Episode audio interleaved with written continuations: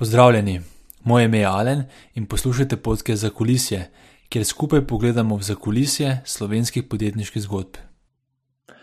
V 39. oddaji sem se pogovarjal z Lošo Bagolo, slovenskim eh, oglaševalskim gurojem in kreativnim direktorjem v agenciji Pristop. Uh, Aljoša je zbral že več kot 100 nagrad na različnih domačih in mednarodnih oglaševalskih festivalih, sodeloval pa je z blagovnimi znamkami kot so Volkswagen, Fructal, Kokta, Simobil, Siol, Gorenje in tako naprej. Um, v samem podkastu smo se pogovarjali, uh, seveda, o oglaševanju. Um, Aljoša nam je predstavil svojo formulo za oglaševanje, ki je v bistvu Hollywood v Twitter formatu. Tako da smo se pogovarjali, kako doseči ta hollywoodski uh, aspekt in uh, kako doseči ta Twitter format. Um, pogovarjali smo se o konfliktu kot v bistvu orodju za pridobivanje pozornosti, uh, kako je v bistvu konflikt lahko pozitiven za um, oglaševanje. Pogovarjali smo se o samem kreativnem procesu oziroma oblikovanju idej in tudi o tem, kako za ravnoteže med poklicnim in družinskim življenjem, torej work-life balance, skrbi Aljoša.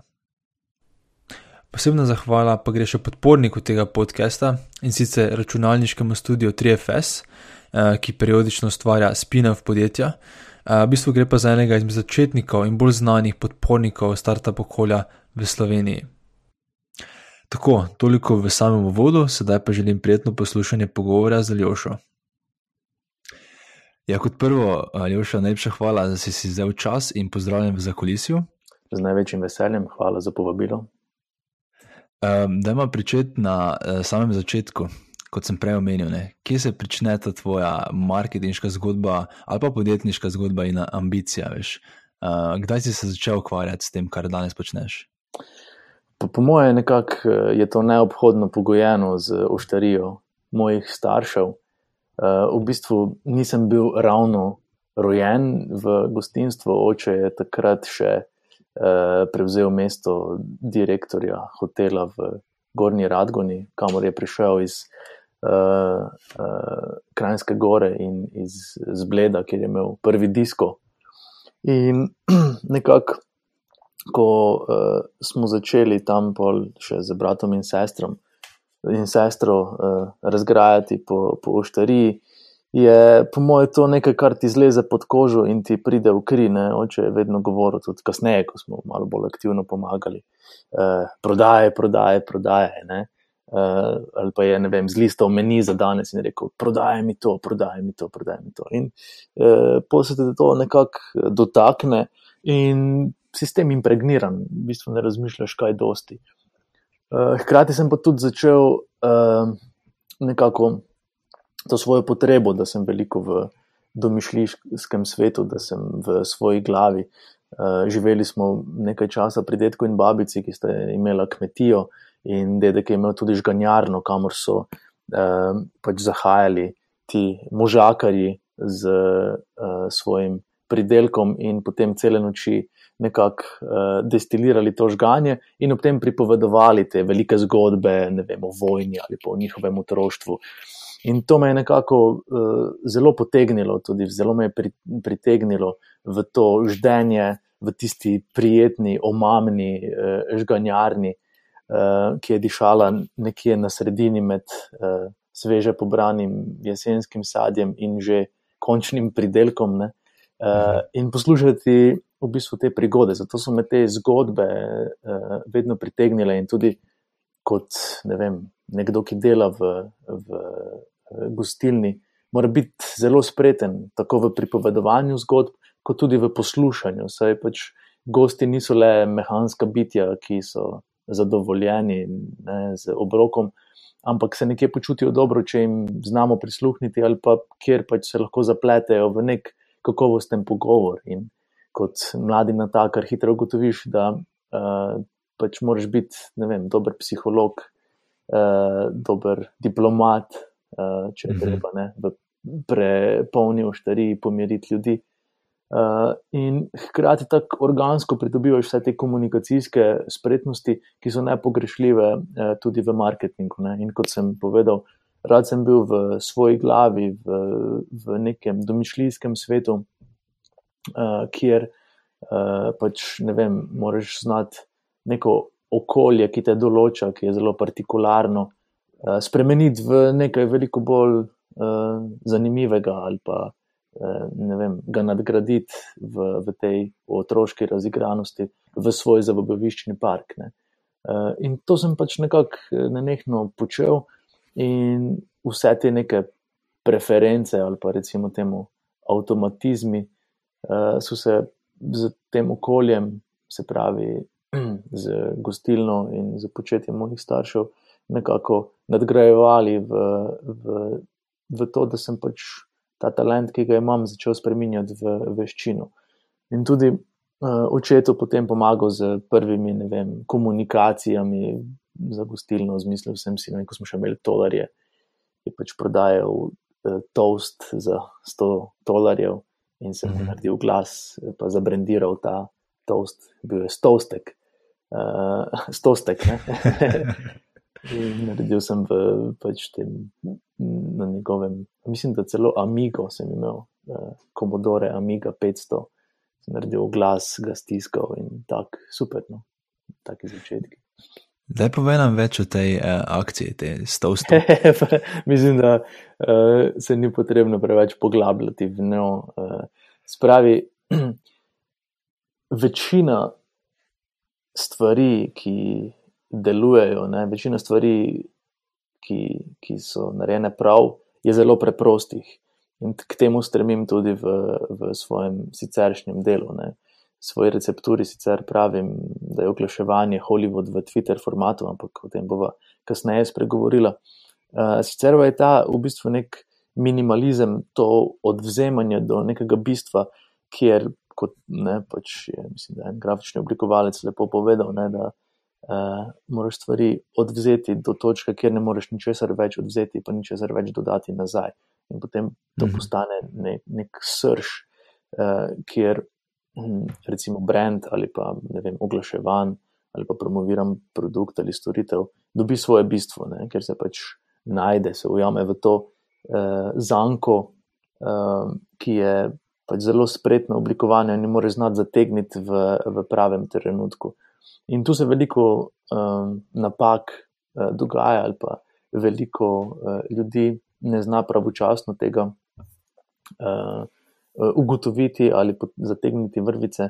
In se potem, ne, če sem naprej tako metaforično slikovit, ujamejo v neko past, kjer je preveč vsega ali premalo vsega, premalo drznosti, premalo te iskrenosti ali um, v bistvu nekega ne vem, bodrenja k presežku.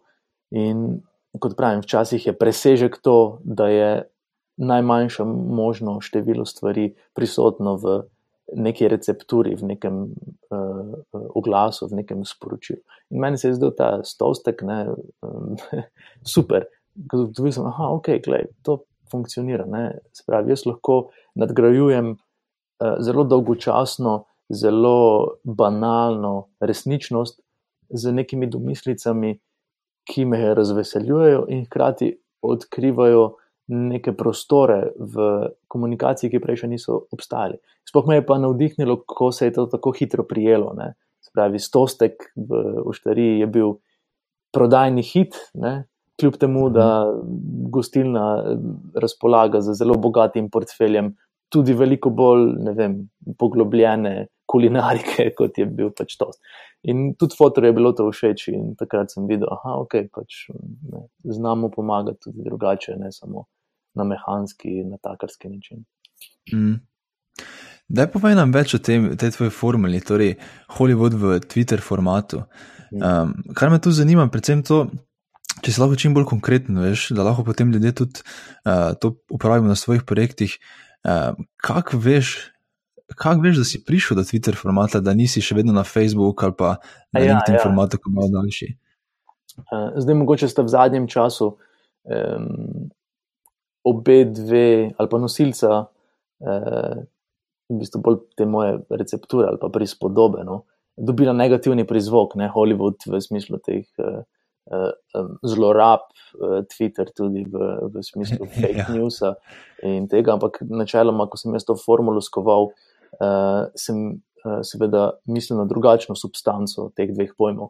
Recimo, jaz želim, da imajo oglasi, ki jih jaz ustvarjam, v bistvu neko vsebino, ki je ključna in to je v bistvu zgodba. Ne?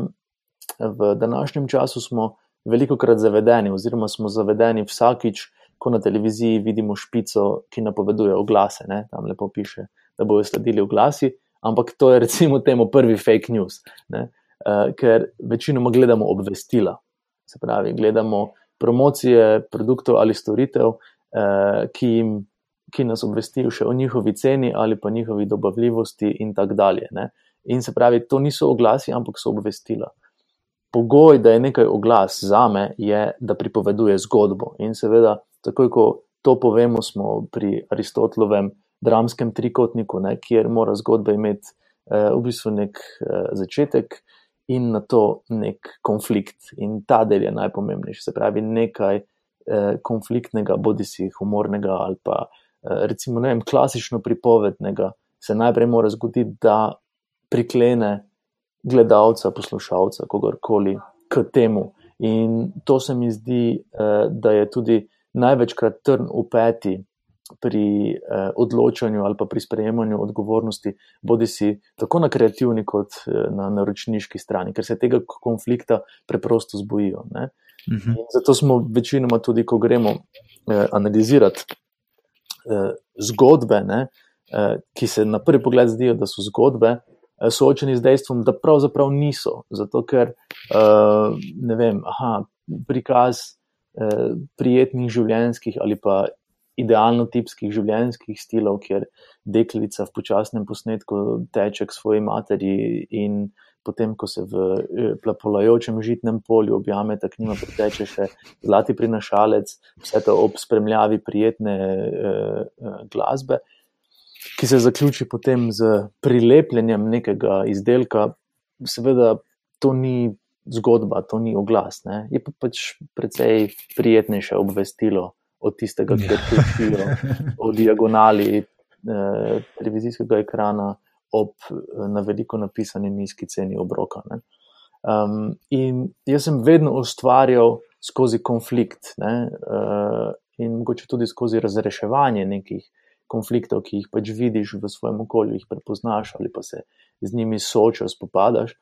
In tako sem prišel v bistvu do, do, do tega zaključka, da želim, da so moji oglasi vedno zgodbe, vedno konfliktni v smislu svoje, bodi si lastne strukture, se pravi nekega dogodka znotraj zgodbe, ali pa konflikti, konfliktni v smislu, kako nagovarjajo šir, širše okolje. Ne? Recimo to, kar se mi je zgodilo pri kampanji uh, itak, za itak, tvoj čas, tvoje pravila, ker sem pač zavestno uh, uporabil nagovor uh, skozi protestništvo, uh, spravi leta 2014, in tako bil zelo v konfliktu z uh, delom javnosti.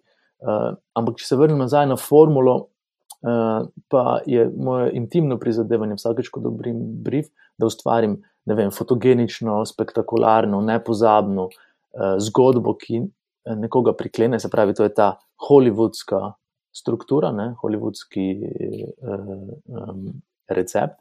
Mhm. Hkrati pa kombiniran z tem Twitter formatom, kar pa pomeni, da pač ne, sem ponavadi časovno omejen, čeprav so večinoma moji oglasi, kar ne, imajo dolgo metražo, eh, okoli 60 in več sekund.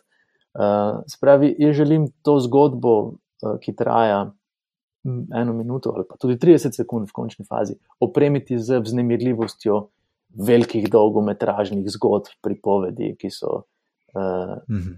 lahko vznemirljive. No? In to je moja receptura. Da se prvo dotakne te konfliktnosti. Uh, zakaj treba biti konflikten? Kaj je prednost tega? Jaz mislim, da moramo najprej razčistiti z razsežnostjo tega pojma. Ne? Jaz mm -hmm. konflikta ne uporabljam v smislu vem, prizadejanja nečesa slabega, v smislu tega, da moraš koga užaliti, bog ne daj. Ne? To, to ni prave vrste eh, konflikt. Konflikt je v bistvu preprosto orodje za zagotavljanje pozornosti, oziroma ta prvi kavelc, ne, kot recimo v tudi hollywoodskih scenarijih, pa je grejo najprej na 20. in 21. stran scenarija, ker tam mora biti huk, ne? se pravi nekaj, kar te priklene. In konflikt je v bistvu v tem smislu preprosto orodje in se da z, z njim upravljati. Ne, Recimo, um, uh, ne vem, nekaj se, ali pa če razložim v poteku enega mojega scenarija za fraktal, svet je lepši, kot se včasih zdi. Ne. Ta se začne z uh, prikazom v slow motionu padajočega mobitela, ki pade na tla in se raz, raztrešči. In na to v, velikem, širokem planu vidimo mladeniča, kako po noči teče čez uh, uh, križišče, čisto prazno križišče, in ga potem v bližnjem posledku vidimo, kako zaskrbljen šprinta tudi po praznem nočnem mestu. Ne?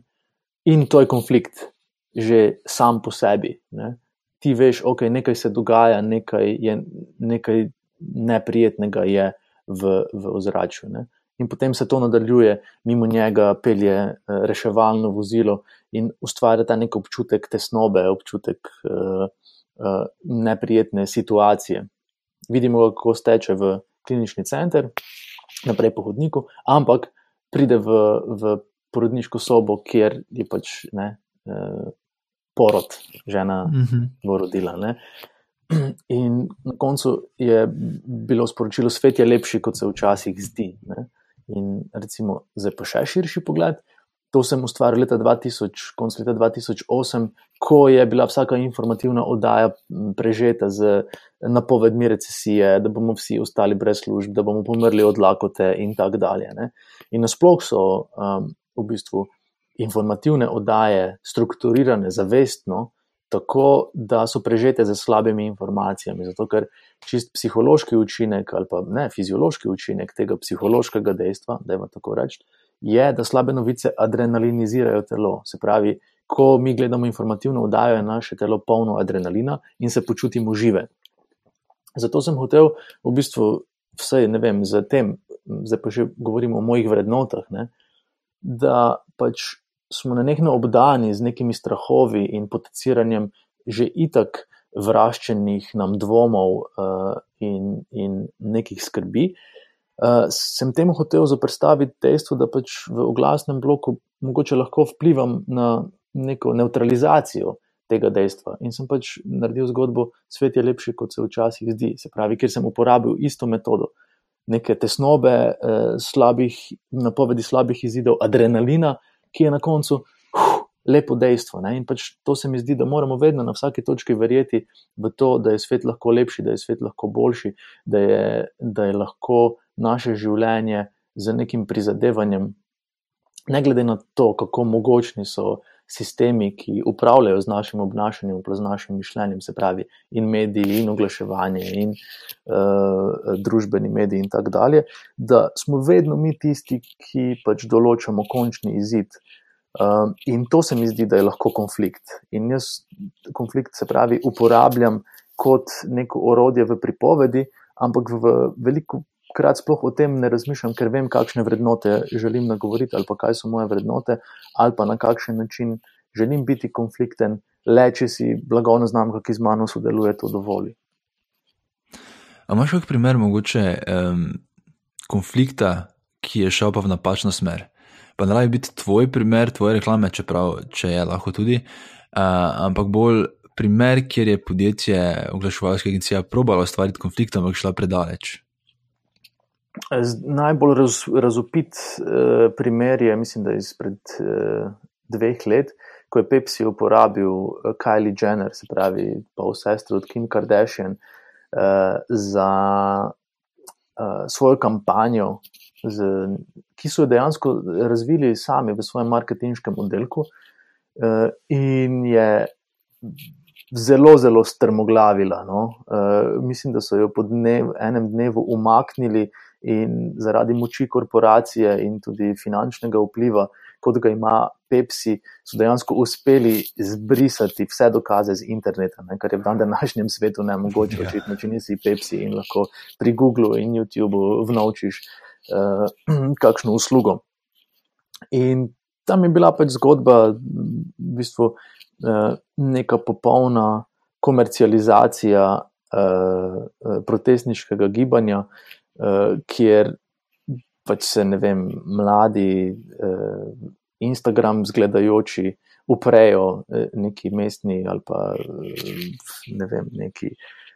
Ne, jih vaški straži, no, vardi, slovenski, ampak eh, specialcem, policistom, ne zadolženim za uh, umirjanje nemirov ali pa tako dalje. No. Uh, in v tem nekem smislu sem se spomnil jaz na svojo kampanjo, takrat, ki sem naredil po slovenski vstaji leta 2013 uh, in je bila točno v tej javnosti protestniški popolnoma uh, v bistvu uh, kot dejansko dinamit na zelo kratki zažigalni vrvici. Uh, Meni so naredili tudi sovražno spletno eh, stran, eh, blagovni znamki so naredili sovražno spletno stran in kar nekaj eh, debat je bilo na to temo.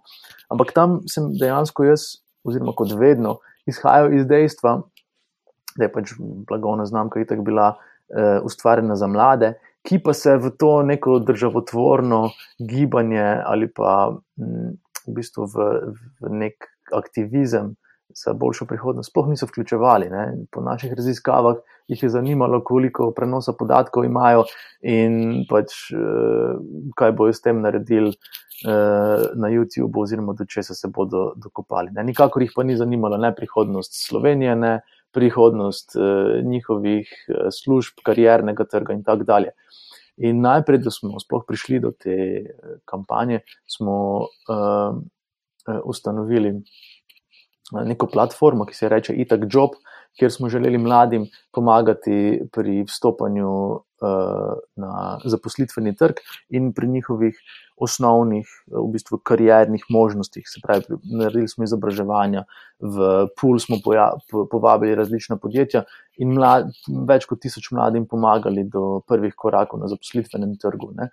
Uh, in seveda to je bilo zelo spregledano, in pač tisti, ki so se čutili vem, da lahko edini izvajo aktivizem. Ne, se pravi, eh, v Sloveniji si lahko aktivist le, če si levičar, če uh, uh, si v bistvu na, na pravi strani političnih uh, opcij in političnih prizadevanj, če si intelektualec.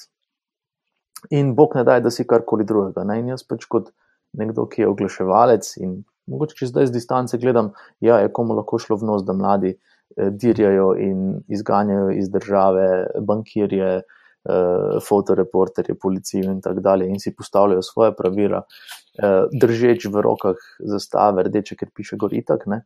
Ki je bil pa po drugi strani vedno vzklik, kot blagovna znamka, je bil vzklik, hej, itak, da bomo to zrihtali. Ne? Je nek tak just do it te mlade generacije. Ne?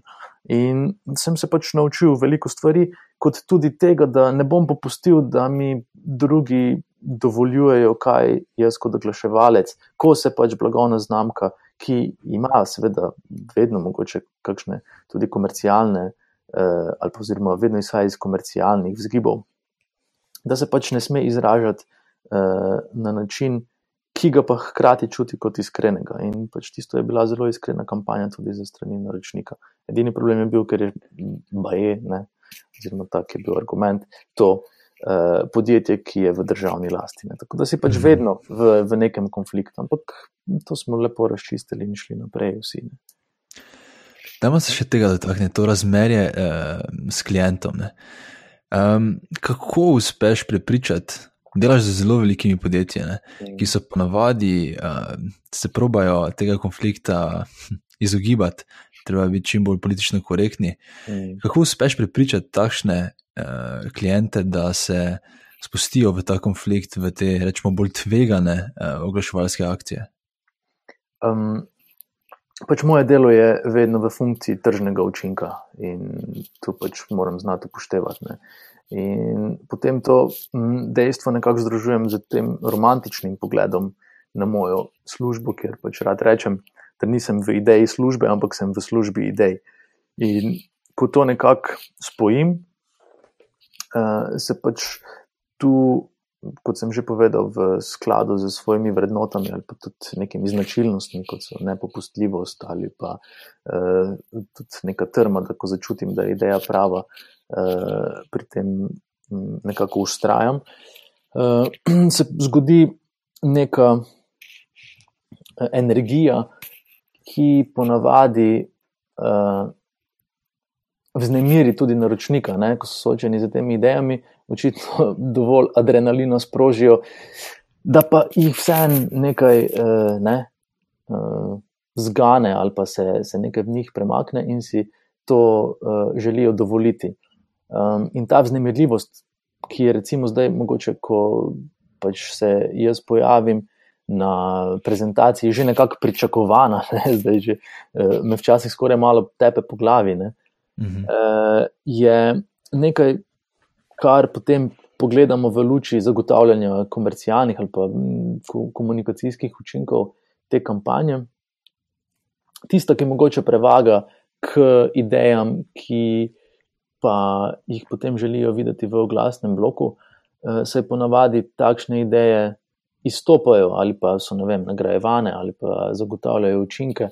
In se potem ta prvotna vznemirljivost, seveda, korak za korakom, pa dobro, zdaj bo že 20 let, odkar delam v oglaševanju, nekako stke v to zaupanje in v neko obliko sodelovanja, ki eh, pač spremenja, ne vem, potek eh, ali pa percepcijo blagovnih znamk, ali pa pušča za, sla, za sabo neko komunikacijsko sled ki je pač drugačna in uh, tudi spremenja, um, pa tudi če čisto malo ta mozaik industrije, v, v kateri pač ponavadi so v spredju zgolj komercialni uh, učinki. In to se mi, je, uh, to se mi zdi, da, da mi je mogoče uspelo stkati v sodelovanju z Telekomom Slovenije, kjer je pač zapuščina teh kampanj, ki presegajo zgolj klasične kapitalistične vrednote in tudi prizadevanje velikega števila ljudi, Eh, tam na naročniški strani nekaj, kar pač bo vedno uh, čislano, tako v uh, tem pogledu na mojo kariero, uh, kot tudi v, v smislu, po moje, nekega, uh, neke zapuščine, komunikacijske zapuščine, ki smo jo uh, uspeli uh, ustvariti. In to se mi zdi, da se da narediti uh, tudi v tem, sicer ne malokrat neprizanesljivem. Eh, kapitalističnem svetu, in zato je tudi vredno upoštevanja ali pa verjetja v to, eh, da pač neke osebne vrednote, eh, ki se potem seštejejo v vrednote blagovne znamke ali pa v končni fazi se, se nekako stkejo z vrednotami podjetja, lahko ustvarjajo spremembo. In um, to mi je pač uh, nekako bil lep dokaz. Da, ja, ja, se vi, oglaševalci, ne pa zgolj perete umazano perilo uh, in uh, hkrati naše možgane. Ne. Tako da razliko se da ustvarjati marsikaj. En del te noči, še mislim, da nismo zdaj čisto rešili, um, oziroma vsaj jaz ne razumem čisto. Torej, Hollywood smo pokrili, mhm. zdaj pa ta Twitter format. Zamenjajo si, da večinoma delaš z rahlo daljšim formatom, ne vem, 30-60 sekundni eh, TV oglas. Ja. Ampak Ko se spomnim, so tudi te uh, kampanje, ki si jih omenjal, so bile tudi v krajših formatih, naprimer Billboard. Ne? Zakaj tako spet? ja, zanima me, ja. kako kak ta konflikt spraviti iz videa, ker imaš pač več časa, v sliko, statično zadeva. Kar je, veči, kar je verjetno format, s katerim se bo večina poslušalcev tudi obadala prek ja. Facebooka, Instagrama in podobno. Pač, vedno mi je šlo na živce, ko sem v kampanjah videl dobre eh, televizijske oglase, ki so potem posamezne prizore ali pa kadre zamrznili eh, v uh, posterjih ali pa billboardih. In to pač mm, se mi je zdelo napravo upravljeno delo. Zato je treba vedno znati upoštevati zakonitost medijev. Zato, ker uh, tudi v uh, recimo statičnih sporočilih je veliko dinamičnosti zgodbe. In to zgodbo moraš pač biti eh, sposoben povedati tudi eh, v drugačnem mediju. Zato sem vedno um, iskal načine, kako povedati zgodbo v um, statičnem formatu, in to mi je bil vedno tako poseben izziv, in mi je še dan danes zelo blizu. Ne. Sploh, ko uh, tisk ali pa zunanje oglaševanje precej trpita na račun video formata, ki ni televizijski format, ampak video format v sodobnem digitalnem svetu, kar pomeni, da je zelo kratek, zelo bizaren, zelo nenavaden in tudi veliko krat brez zgodbe.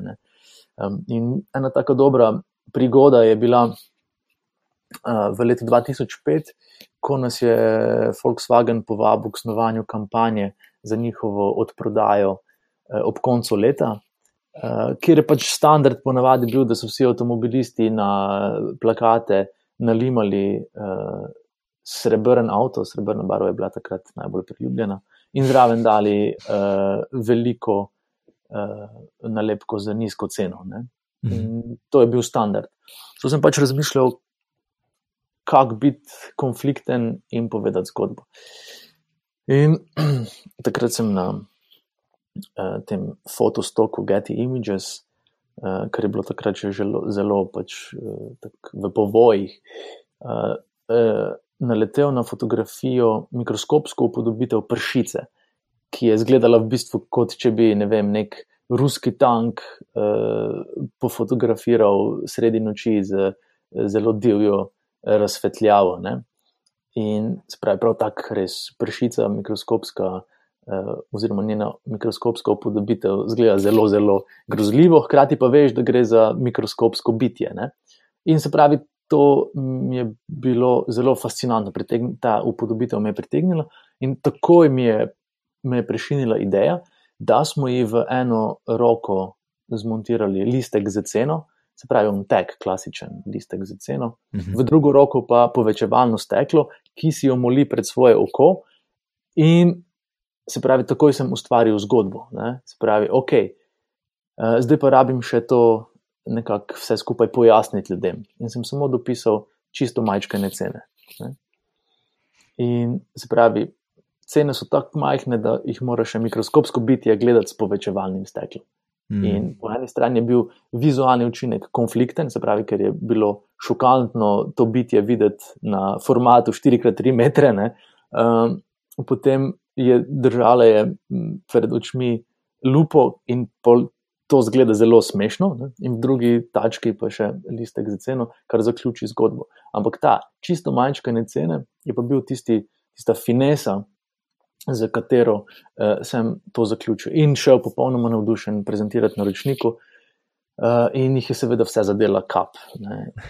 moj bog. Bili so fur zelo prijazni, res uh, tudi eno izmed ljubših sodelovanj mojih z, z tem naročnikom. In so pač rekli, oprostite, ampak mi nažalost tega ne moremo potrditi. Ne.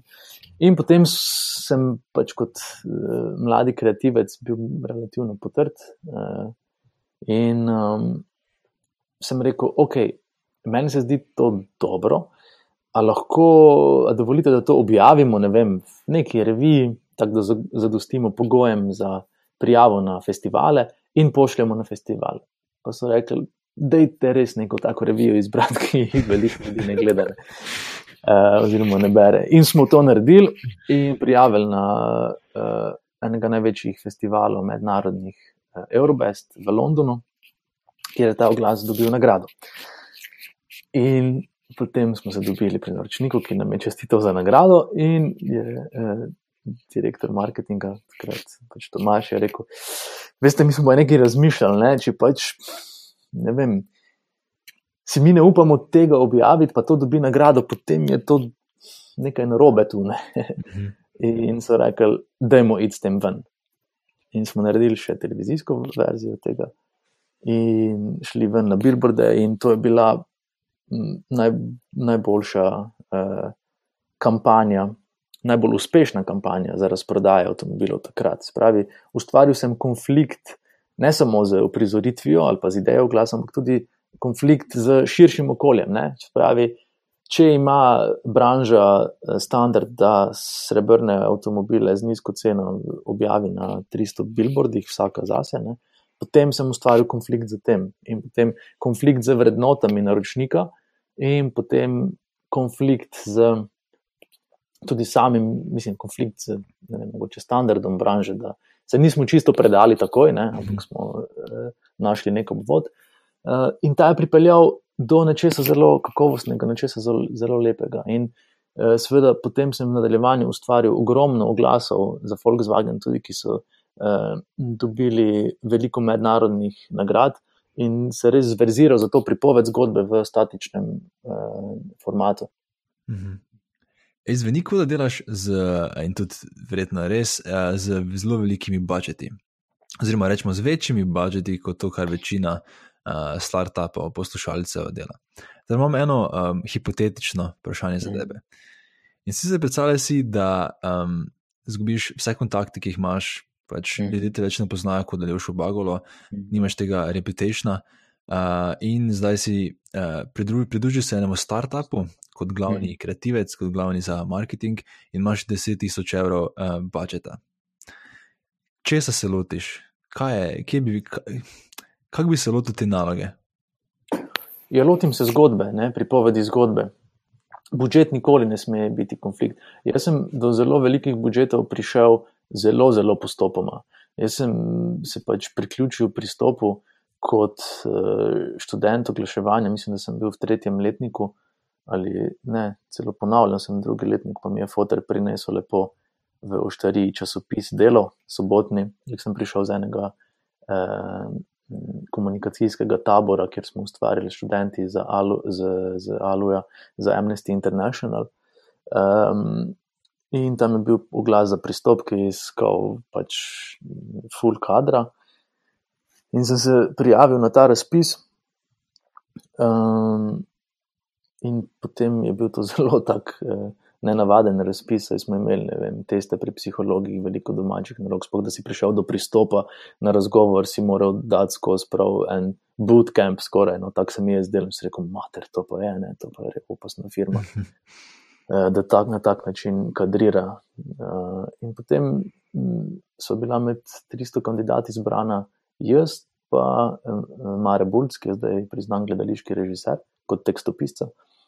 In ko sem se sestal z Matejo Zavrl, ki je bila takrat kreativna direktorica, sem dobil domačo nalogo, ki je bil proglas za uh, znameniti format uh, mladine, časopise mladine, uh, kjer oglaševalske agencije že mislim, da 20 ali celo več let ustvarjamo na um, tretji strani neka pozitivna ali pa opozorilna družbena sporočila. Uh, in ko sem pač prinesel to domačo nalogo in jo je Mateja odobrila, me vzela v službo.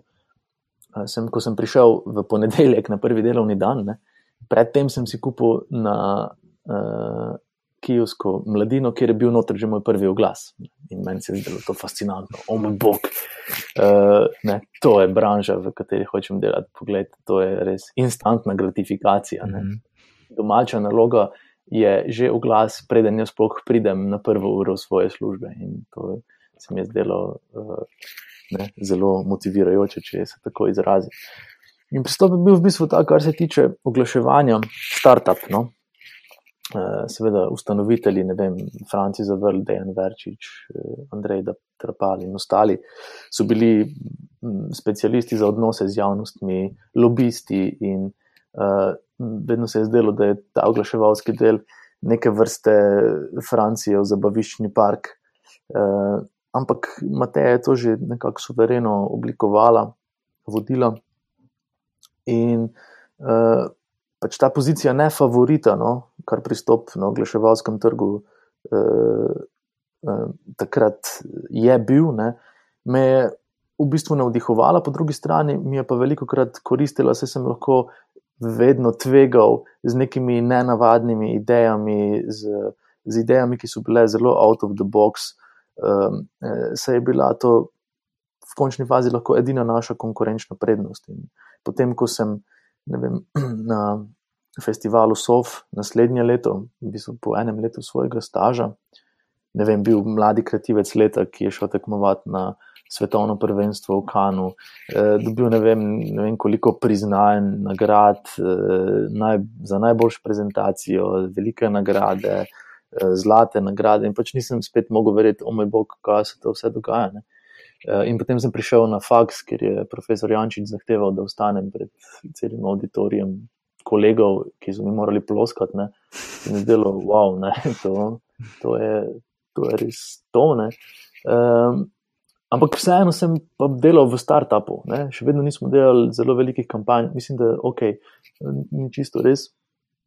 Uh, Pristopil takrat delo za Merkator uh, in to precej take kakovostne stvari. Jaz nisem bil nikoli na to vključen, ampak sem vedno dobival priložnosti, ki so bile res low budget, mini kampanje in sem se moral dokazovati ravno skozi te uh, uh, mikrozgodbe. Ne? In to se mi zdi, da me je nekako kovalo ali pa izpopolnjevalo v tem smislu, da mi budžet nikoli ni predstavljal uh, nobene uh, zaslombe, če tako rečem. Mi ni bil noben easy way out, ampak sem si moral pot do, do tja res sam tlakovati, ne malo, ne malo krat tudi z v bistvu garanjem, ki ga pa nikoli nisem dojemal kot takega, ampak mi je bil vedno v luči izpopolnjevanja ali pa zadovoljevanja svojega eh, talenta. In če se pač vrnem na vprašanje, jaz bi začel z zgodbo, zato ker z ekosistemom, ki je podjetjem danes na voljo. In z budžetom, ki je vem, 10 tisoč evrov, se lahko ustvarijo fenomenalne stvari. In uh, recimo ta mobilnost sporočilnosti dan danes, kjer pač ti lahko nekaj m, objaviš na platformi in so ti izjemna produkcijska orodja na voljo, spravi, vem, dan današnji telefoni imajo že take sposobnosti ustvarjanja videa, da je to noro. Ne? In potem, da to brezplačno objaviš in spraviš pred dejansko globalno javnost, ne, je nekaj zelo izjemnega. Zato ni, ni fajn ničesar pogojevati z uh, budžetom, ker skoraj druga logika, ne, da imaš v bistvu majhen budžet uh, in ti je ta motivacija, lahko veliko krat bolje služi uh, blagovni znamki, kot če štartaš z, ok, imamo 30 ali pa 60 sekundni. TV oglas, full budžeta za dobro muziko in za tako dalje. Ne. Mhm. Si mogoče takrat veliko bolj ujet v, v neke okove, ki so lahko hitro nekreativni. Ne, uh, in zato moraš najti pravo perspektivo in razumeti, da ideje niso nikoli pogojene za denar. Ok, te pa da ima. Um... Rephrasati, oziroma malo spremeniti vprašanje. Torej, rečemo, da ni glavni eh, konflikt s tem, da imaš 10.000 evrov na voljo, ne? Ampak rečemo, da si se pridružil startupu, ki nima še nič strank, ja. neki produkt, ja. se odločiš ustvariti zgodbo, ampak tvoj cilj je priti do 100 strank ali pa tisoč, kakorkoli. Ja. Že 100 je tu težko, z nič. Kako bi to dosegel? Uh, mislim, na to cilj, veš, kakšne kanale bi uporabil, um, kako o tem razmišljaš, kako prilagoditi zgodbo samemu občinstvu, da dosežeš ta učinek, ki je potreben. Zdaj, seveda, so se stvari precej spremenile. Ne? Dejansko princip delovanja startupov in njihovo promoviranje eh, nekako logično zaobide doprinos ali pa tudi strukturo ali pa tudi mm, neko vrednost ali prednost sodelovanja z agencijami, se je že prikaz same ideje ali delovanja izdelka ali storitve oglas zase. Ne, spravi, film na Kickstarterju, ne, je dejansko že oglas za, eh, je že oglaševalska kampanja. In tako pridemo do, do neke vrste zanimive logike, ne, pa ne larpurlartizma, ampak podobnega mehanizma, ne, da je um, ideja izdelka že hkrati uh, tudi promocija. In uh, po drugi strani pa kot ljudje vse bolj živimo, pa ne dejansko zgolj živimo v svetu, kjer je vsak strokovnjak za branding. Ne? Zaradi tega, ker smo vsi primorani se brandirati in znamčiti se na družbenih omrežjih, kjer je pač ne vem, neka naša identiteta že neločljivo povezana z siceršnjo ne? Eh, in so orodja. Uh, kot so vem, objave ali pa uh, algoritmi, ki nas potem naprej promovirajo ali pa nam dajo vtis, da smo priljubljeni ali pa da imamo veliko prijateljev, narejene tako, da od nas zahtevajo znamčenje, ne? se pravi, da se znaš dobro pofotkati, predstaviti, da to, kar zapišeš v svoj bio, eh, pač nekako zacementirano in trdno drži, da se ne spremenjaš in v bistvu delujemo kot konsistentne blagovne znamke. Zdaj, po eni strani je to fajn, ker si pač uh, ustvarimo vse nek skill set, ki nam pomaga tudi pri siceršnjem trženju. Ne? In smo tako strokovnjaki za branding, po drugi strani se pa hitro ujamemo v to zanko uh, nekega narcizma, kjer pa smo mogoče vseeno amaterji v tem, pa si mislimo, da nismo. Ne? Eh, po drugi strani pa to, kar sem rekel, ne, da si moramo zacementirati svoje identitete, pa to, kar zapišemo v bio in uh, pač rečemo, da moramo biti konsistentni skozi dolgi rok, nam onemogoča eksperimentiranje eksperimentirani tudi na osebni ravni, kjer pač ne vem, smo mi kot najstniki lahko bili en teden pankeri, pa če nam ni pasalo, smo postali šminkari, pa če nam to ni pasalo, smo bili granžeri, smo se pač lahko odkrili. Ne? In dan današnje zahteve družbenih medijev pa mladim to onemogočajo, ne? se pač zgledajo nekonsistentni in ne, ne dobivajo dovolj lajkov. To pogojevanje z temi nekimi odmerki odobravanja ali ljubezni ali karkoli že, recimo te fiktivne ljubezni, uh, jih potem nekako ujame v neke fiksne mislim, identitete, ko bi pa ravno morali ful eksperimentirati in najti, kaj in kako. Ne? Pač je bil Franklin Delano Roosevelt, ki je pač, mislim, da je celo Eisenhower, ne, da, je, da je rekel, da pač v, na, na, v času velike ameriške depresije ne, in recesije, po zlomu borze 29 da je pač zdaj čas za eksperimentiranje, da druge ni. Eksperimentira, eksperimentira, eksperimentira. In to se mi zdi, da je dan danes ključni manjko uh, teh okolij, ki nam na videzno dajo toliko možnosti, hkrati nas pa tako neprizanesljivo uh, uh, utrjujejo v neko. Konsistentnost, ki je nujno produktivna. Ne, pač eksperimentira, eksperimentira, eksperimentira. Jaz mislim, da je to nujno, nujno, nujno. Tako kot jaz, ne vem, uh, uh, dobim naročilo in zdaj rečem, to bo zdaj po bagu lastilo narejeno. In ne bo tako. Ne, pač naredim 10, 20, 30 verzij nečesa in pol vidim. Farel je za svoj mega hit Happy, ne, je 10 verzij komado naredil, pol je izbral. Ne. In vsi pozabljamo to, da ustvarjanje v bistvu m, mora pomeniti to ustvarjanje. Ne ustvarjanje pomeni ogromno nekih poskusov, smeri, stvari, da je pol to stvaritev uh, in ne samo nekaj, kar se zgodi kot tako. Uh, in isto mi je tu, v, če se vrnem nazaj iz tega zelo helikopterskega pogleda na nek mikronivo, pri tem, da prideš od nič do sto nekih sledilcev ali pa. Uh, uh, Nekoga, ki ga navdušiš, potrebno eksperimentirati. Ja, so neke ustoličene poti, ampak vedno moraš v njih malo dvomiti. Ali pa moraš v končni fazi, če si poeksperimentiral na sto načinov, mogoče podvomiti v idejo tvojega produkta. Ne? Mogoče ne rešuje nobenega problema, mogoče ne zadovoljuje nobene e, resnične potrebe, mogoče ni relevantno, mogoče ni dovolj zabavno, mogoče ni e, pravi čas za to. Vse to mhm. je kaos tega ustvarjanja. Ne? Se pravi, vedno, ko temu rečemo, eh, kreativni kaos. To vključuje veliko bolj stvari, se pravi, veliko bolj te zunanje stvari, veliko bolj eh, možnost preživetja ideje tvoje v, v širšem okolju, kot pa sam proces kreacije. Ne? Sam proces kreacije je za me popolni mir. Ne? Takrat se stvari, uh, takrat si noter in the zone, ko ustvarjaš. Ko pa moraš za to preskrbeti eh, občinstvo, ko moraš, ne vem, ko nesem svojo idejo, je pač najbolj gledan dojenček. Ja, ok, mogoče, ker jo jaz nesem, ki veliko bolj zaupam, zaupam vase ali pa ljudje zaupajo meni, ne, da ima večjo možnost preživetja. Ampak v končni fazi jo lahko v vsakem trenutku raztrgajo, uničijo, spremenijo, zamenjajo, naročijo novo.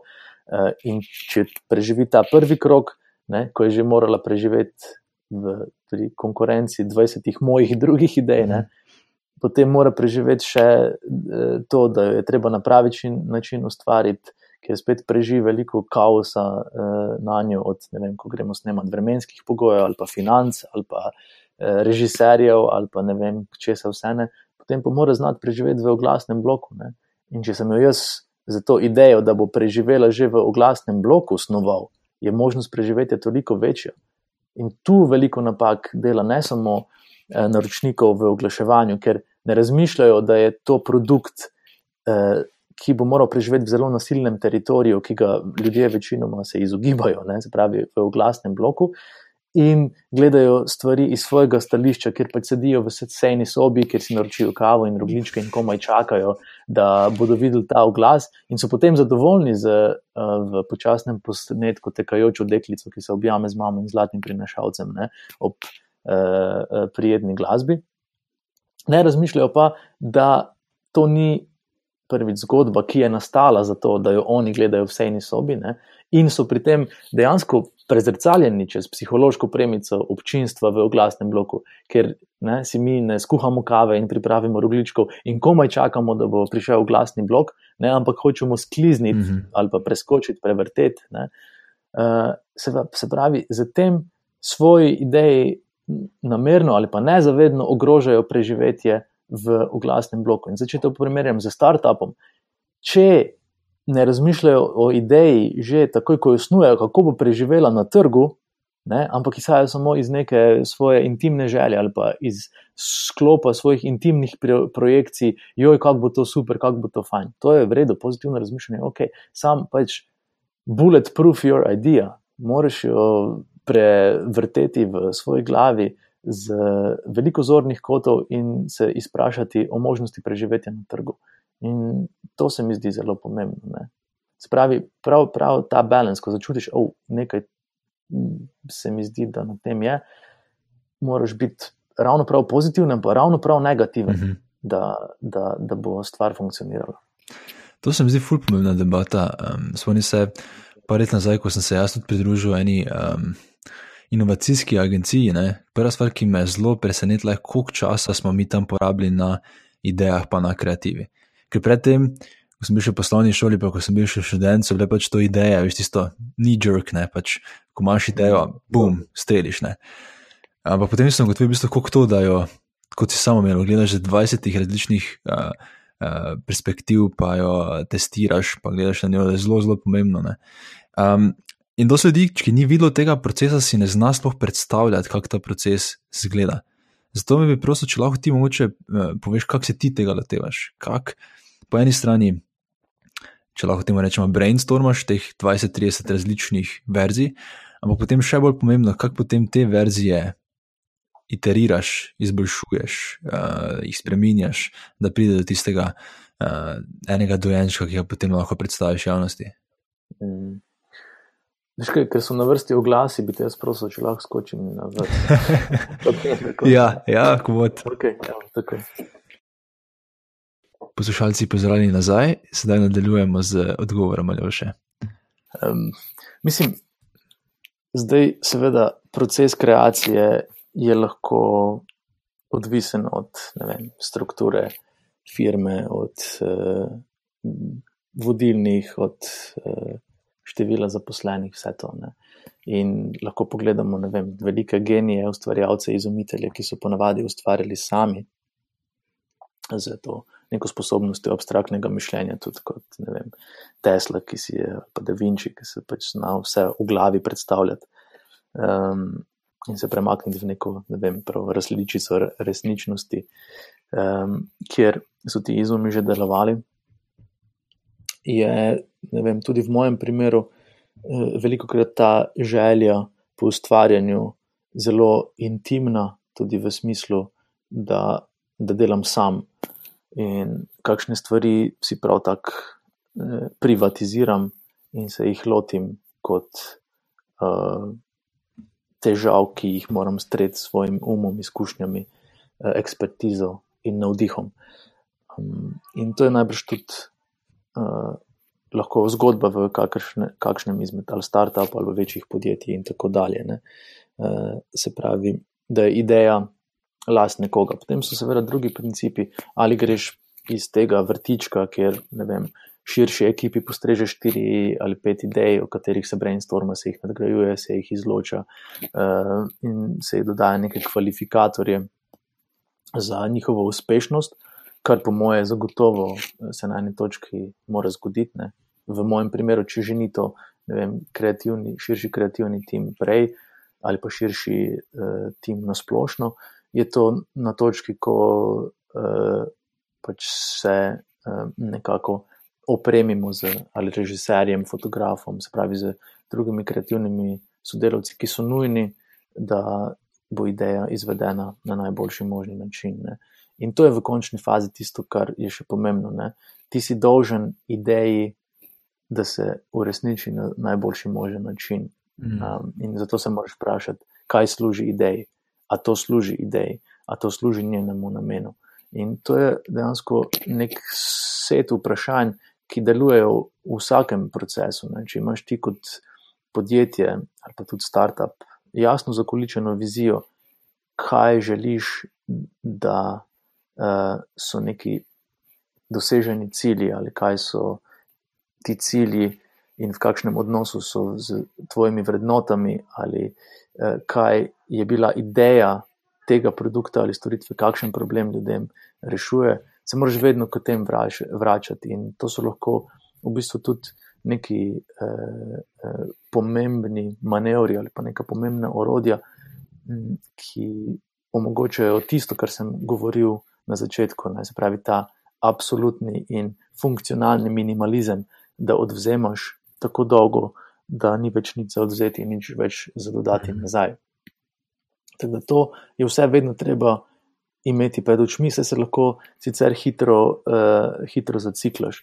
Zato je pač fajn, da vem, vodje oziroma vodstvene strukture vedno krepijo neko idejo, ki je vsem v vsakem trenutku jasna in h kateri se lahko vedno vrnejo, ko v tem procesu, kar sem prej govoril, ne, kreativnega kaosa, eh, mogoče uh, usplamtijo na okoli te ideje, uh, da bi lahko še kaj, kaj pridali.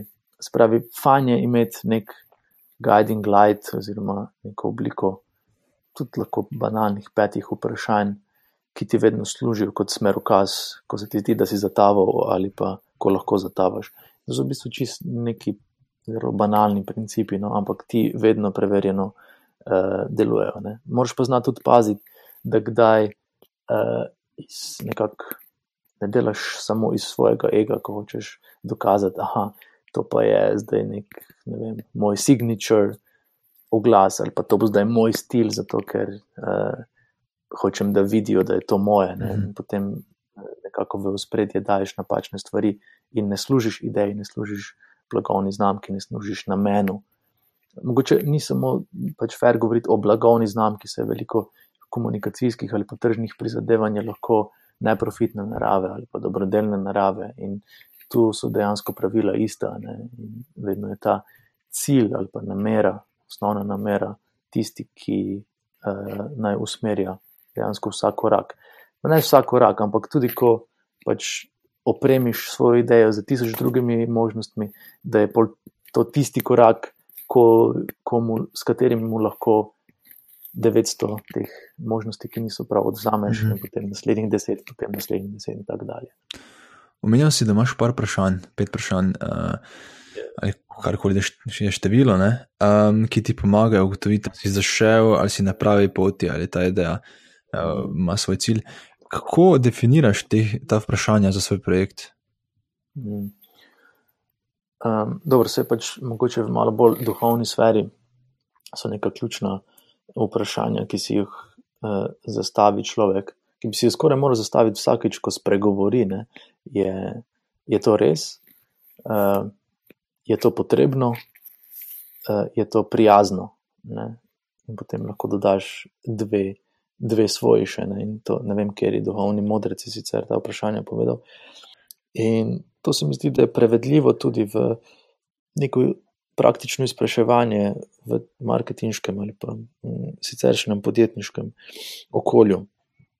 Ne? Se pravi, je to res ali za tem korakom sledim pričakovanjem ali pa viziji, svoji viziji, ali pa ne vem, če se jaz izprašam kot ustvarjalec, je to res, ali ta zgodba sledi potrebam ali pa tržnim izzivom blagovne znamke na trgu in ali so upada uh, z ali se opada z eh, dinamiko, taktikami, strategijami, oziroma še bolje rečeno, z cilji, ki jih ta eh, znamka ima. Ne. In potem, ali je to potrebno, ne? is it necessary? Uh, ja, uh, isto en zelo dober opremljevalec ali pa v bistvu ne opremljevalec, bolj mogoče orodje, da se znebiš odvečnih stvari, odvečnih smeri. In potem is it kind, ne, je prijazno, je pa mogoče bolj zamenjati z ali je relevantno. Ne. Relevantnost je vedno potrebna, seveda prijaznost pa nikoli ne škodi. Tudi če je prijaznost zakamuflirana kot neke vrste provokacija, za katero veš, da jo je potrebno izprašati, ali je potrebno izprašati na ravni naroda. Ne vem, kot se jaz pač. Eh, sem se v platformi za pivovarno Union, ki sem jo ustvaril, ne živo življenje, najprej pohecal z zgodbami o povodnem možu, ki pač ponovno vstane in gre obračunati za svojo zlo usodo, ali pa kralj Matjaš, ki ponovno vstane in obračuna z tem eh, zasvojenim, z digitalnimi hm, platformami, zasvojenim svetom. Ne? Eh, ali pa zdaj, ko je pač preširen, eh, ponovno pogrnil pri Juliji, ampak je vseeno potem naredil korak naprej, ali so to neki prijazni, zabavni reminderji za to, da si moramo kot narod ali pa tudi kot civilizacija izprašati neke vrednote, ne, zakaj se več ne družimo v živo, zakaj eh, pač se ne zabavamo, zakaj nismo več tako outgoing. Mm -hmm. Potem to vidiš, da je tudi povezano s tvojimi vrednotami, ko si pač bil vesel, ko je bila vem, gostilna polna, ker se to tako ustvari neka radost. No. Dobro, čeprav tudi si veliko krat bil totalno pist, ker moraš na nekaj delati. Ne. Mm. Eh, ampak pol se, pol skozi svoje delo vidiš, da se vedno vračaš k nekim osnovnim vrednotam ali pa nekim občutjem iz svoje mladosti, ki jih želiš bodi si nagovoriti ponovno ali predelati. Ali pa dejansko prispevati k nečemu večjemu, k nečemu širšemu. Pravzaprav pa ni nujno, da ne vem, želiš postiti Jobs, Jobsovsko spremeniti svet ali pa prispevati k vem, demokratizaciji mnenja, ne vem, če se vse ne. Lahko je tudi čisto praktično, če je tvoj cilj denar, pač si rečeš, ok, bom zaslužil, ampak pri tem si vseeno zastaviš par načinov. A je fair, oziroma vprašanje, a je fair, a je legalno, Eh, ali tako dalje. No, zdaj se malo hecam, ampak ja, mm. sklop vrednot in te, če reflektirajo neko tvoje prizadevanje, eh, bo to omogočilo kakovostnejše izdelke in tudi v bistvu bolj izpolnjujoče življenje v končni fazi. Mislim, da ena najpogostejših besed v današnjem pogovoru, takoj za konfliktom, so te vrednote. Da imaš še malo se teh vrednot dotakniti. Um, V dosti teh podjetniških knjigah govorijo o tem, da moraš na začetku definirati vrednote podjetja, pa da so dosti krat vrednote podjetja povezane z ustanovitelji in podobno. Uh, iz tega, kar samo opažam, je, da se pač večinoma tega ne sprašujemo, da nekako ne razčistimo sami pri sebi in to privede do ogromno problemov.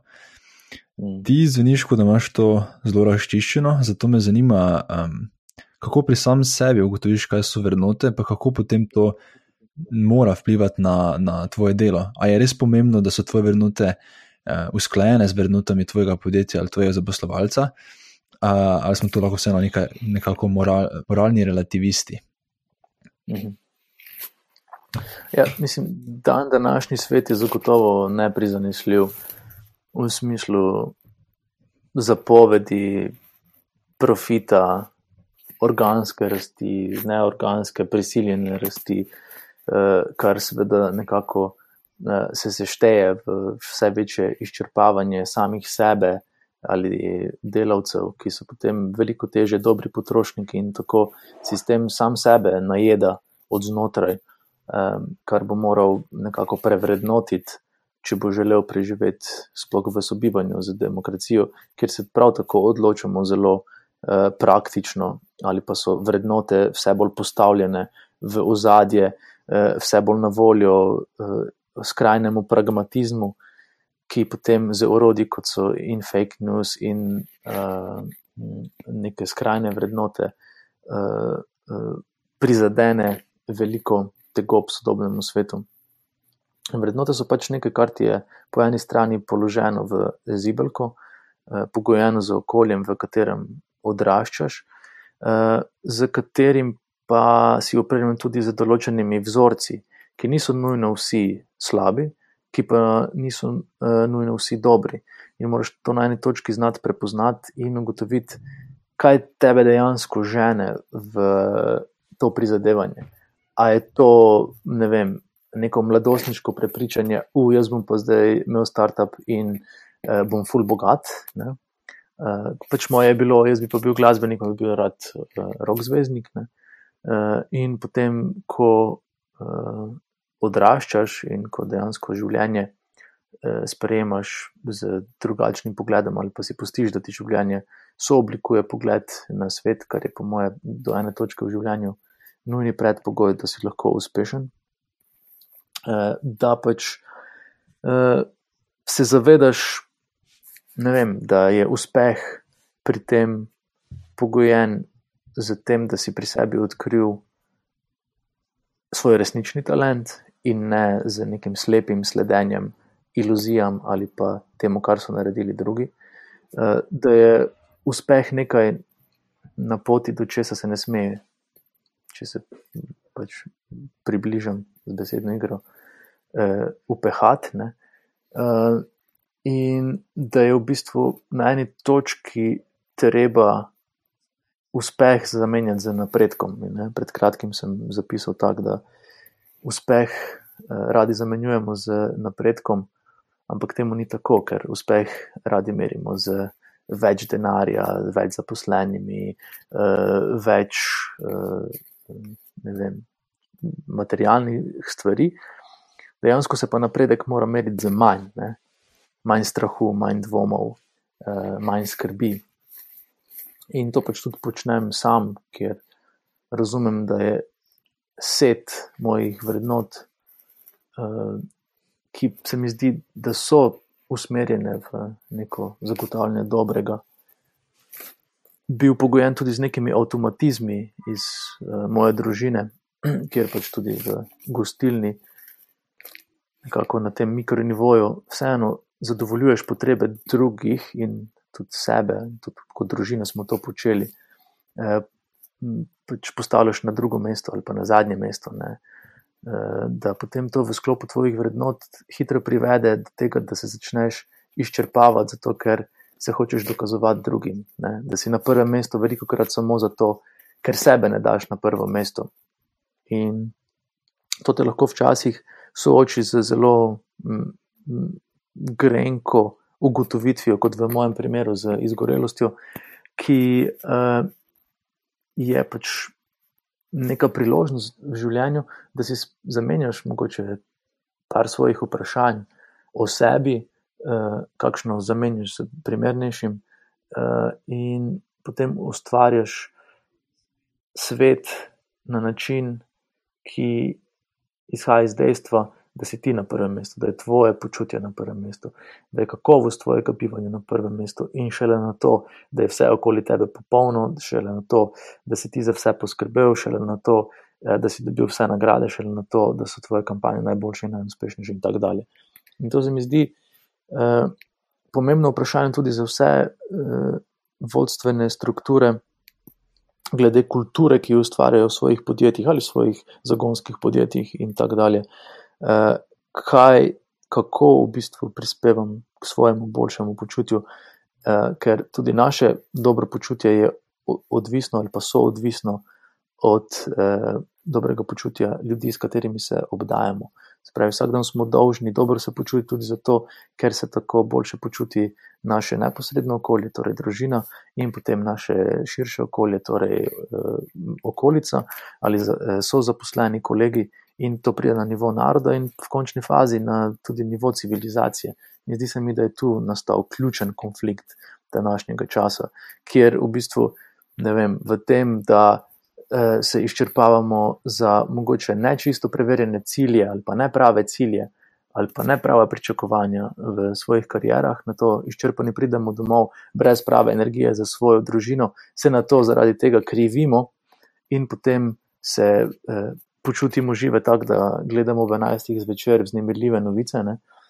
In naslednji dan tisto praznino, ki jo čutimo, gremo zapolniti z nakupovanjem stvari, ki jih ne potrebujemo. Ne? To je zdaj mogoče tako zelo FDV-ovski kritični pogled na svet, ampak do, do določene mere je pa uh, resničen. Zato je pač treba paziti na svojo energijo in veliko krat si vzeti čas za to, da preverimo svoje pričakovanja. So to res naše pričakovanja ali smo iskreni samim sabo, ali samo sledimo pričakovanjem drugih in kaj si bodo oni mislili o nas. Zdaj je to psihološko zelo uh, uh, taka močna ali pa mogočna struktura, mogočen vzorec. Smo nekako ljudje ustvarjeni tudi tako, da moramo imeti odobravanje drugih, da smo lahko pripadniki ne, tega krdela, kar je bil včasih preživetveni vzgib. Ampak se je pa vseeno pač treba kar veliko krat izpraševati, zato je ta refleksija, eh, ki jo v adrenalinu uspeha ali pa v znemirljivosti tega včasih pozabimo upraviti.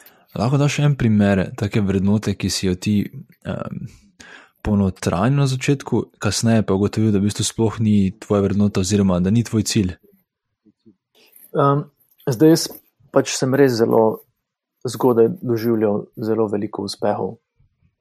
Uh, pravim, bil sem ne, najuspešnejši študent oglaševanja, uh, najmlajši kreativni direktor v Sloveniji, večkrat zapored najbolj nagrajevan kreativni direktor v Sloveniji, uh, agencija leta, da je najmlajši, ne vem, kaj vse. Ne. Skratka, uh, v, v tem sem nekako dobival neko dozo potrditve, uh, ki je uh, mogoče nekako spretno zakamuflirala mogoče nek prisoten občutek te manj vrednosti, ki jo pač kot nekdo iz ruralnega okolja uh, ali pa kot v končni fazi tudi nekdo iz Slovenije, ne, ko smo soočeni z uh, tekmovanjem na svetovnem trgu, ne, ne malo krat imamo v sebi.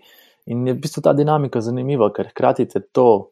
To žene, ne, ta pozicija ne favorita, veliko krat, ne, da se še bolj dokažeš, da si še boljši in tako hitreje in učinkoviteje prideš do nekih uspehov po drugi strani pa postane na eni točki inhibitor, ne, ne več katalizator.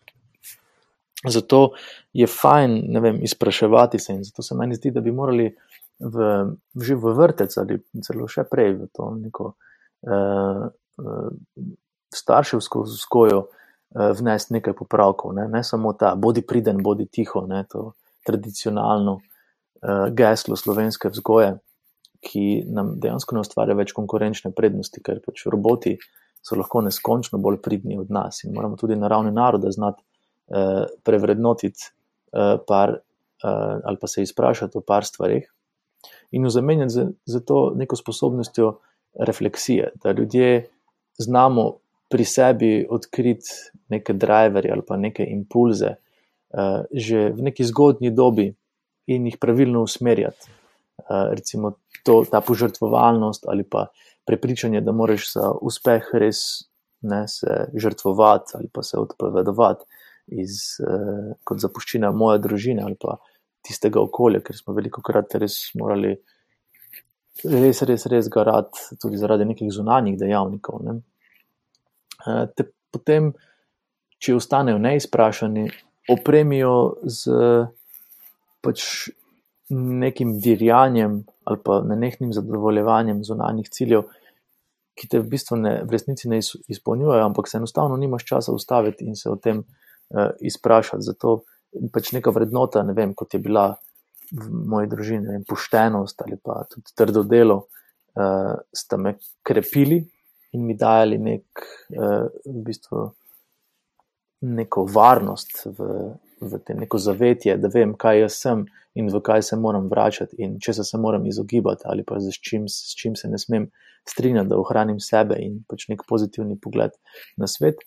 Uh, da pač uh, to spremeniš v to, da moram biti tudi pošten do sebe uh, in moram delati na sebi ali pa garati na sebi na eni točki. In sem pač to, kar je bilo obrnjeno na vzven, obrnil na vznoter.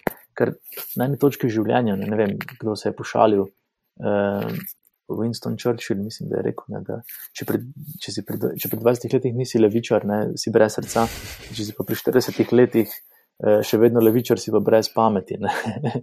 In tako sem se včasih pošalil, ne, da če si, nisi pri 20 letih kreativec, ne, si brez srca, če si pa pri 40 še vedno, ne, si pa brez pameti. To je treba, to energijo, ne vem, recimo tudi mojo. Uh, da jim narediti najboljšo kampanjo, da jim zmagati, da jim razsturi, da jim wow, wow, wow. Uh, usmeriti vase.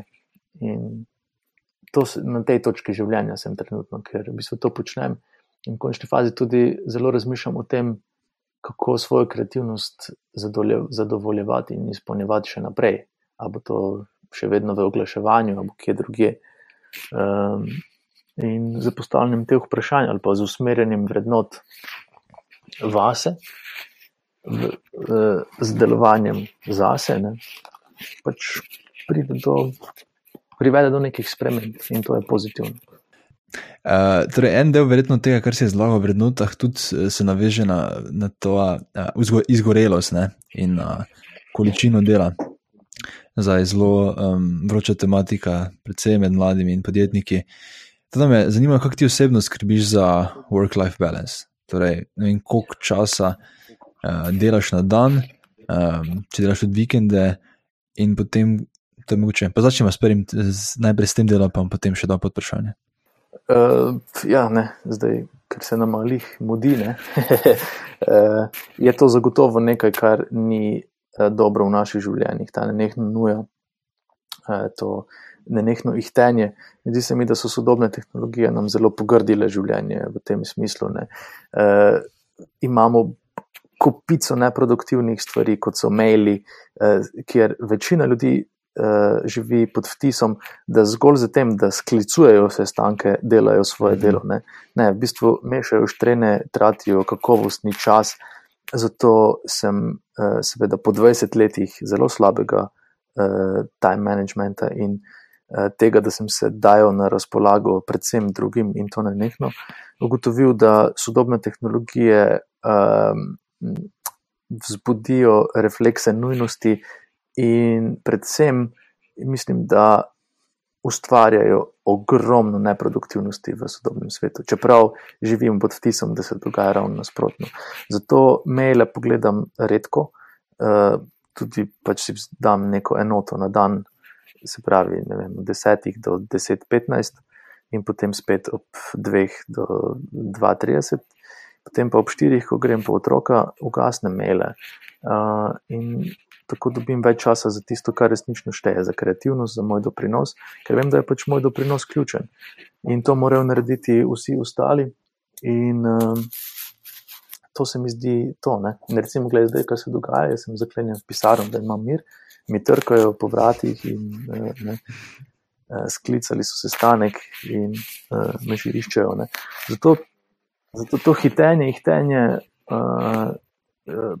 Dejansko je nekaj, kar čemur na ogen prilivajo sodobne tehnologije, ki so, ki so, ki so, ki so lažno, ki so lažno uh, zakamuflirane, oziroma ki so lažno predstavljene kot nekaj, kar zvečuje produktivnost. Ne. Ampak ni se ne bo zgodilo, ker bom pač šel in se bomo usedli in se bomo vse mhm. zmenili. Seveda, red pa neka disciplina pa mora biti, tudi podcasti se morajo snemati. Ampak moj klic po tej res uh, neprijetni izkušnji izgorelosti je, da se je treba na določeni točki uh, izprašati, samo izprašati, uh, dati svet pod lupo, ker večino pričakovanj uh, nam dajo drugi. To je treba razumeti. In ko udejanjaš te, ta pričakovanja in tudi v končni fazi potem prevzemaš strahove drugih, drugih sprejemaš odgovornosti drugih. Um, se dejansko izčrpaš in uh, si hm, neproduktiven človek, neproduktiven zemljan, mm. kar je nekaj, kar moramo spremeniti. Aljoša, vem, da se ti mudite, da se ti v tem trenutku najlepše zahvala za tvoj čas in za odgovore. Samo kot. Glej, eh, sam to, ja. meni se ne mudi, mudi se drugim. To, je, to se tudi treba ponoviti. Zdaj, kot zadnje vprašanje, samo, um, kje te lahko poslušalci najdejo na spletu, oziroma več o tvojem delu, ali pa če imaš kakšno vprašanje, karkoli, kje lahko več zvejo o Aljoši Bagoli. Um, jaz imam na YouTubu svoj kanal, svoj portfelj, uh, kjer pač vidijo zbirko mojih televizijskih stvaritev. Uh, sem na Instagramu, redko na Twitterju, redkeje na Facebooku. Uh, zelo slab sem na LinkedIn, kamor se zatečem enkrat na pol leta. Uh, sicer pa, ja, pač pišem kolumno za marketing magazin, kjer delim svoje razmišljanje, tako da lahko to pogooglejo, podalijo še bagola kolumna. Uh, in pač ja, sem na okoli. tako in drugače. Ja, najlepša hvala še enkrat, Aljuša. Hvala za povabilo, uh, hvala vsem poslušalcem in vse dobro. Tako, to je vse v današnji epizodi. Če ti podcast za kulise všeč, te vabim, da se prijaviš na mailing listu na zakulisi.com, da boš obveščen ob objavi naslednje epizode. A ja, pa hvala vsem, ki ste oddali ocene in komentarje na iTunesu. Za tiste, ki pa še tega niste naredili, vas vabim, da mi tako pomagate razširiti besedo o tem projektu, saj z vsako ceno in komentarjem iTunes boljše nagira podcast in ga potem lahko odkriješ več ljudi. Hvala še enkrat in se slišimo v kratkem.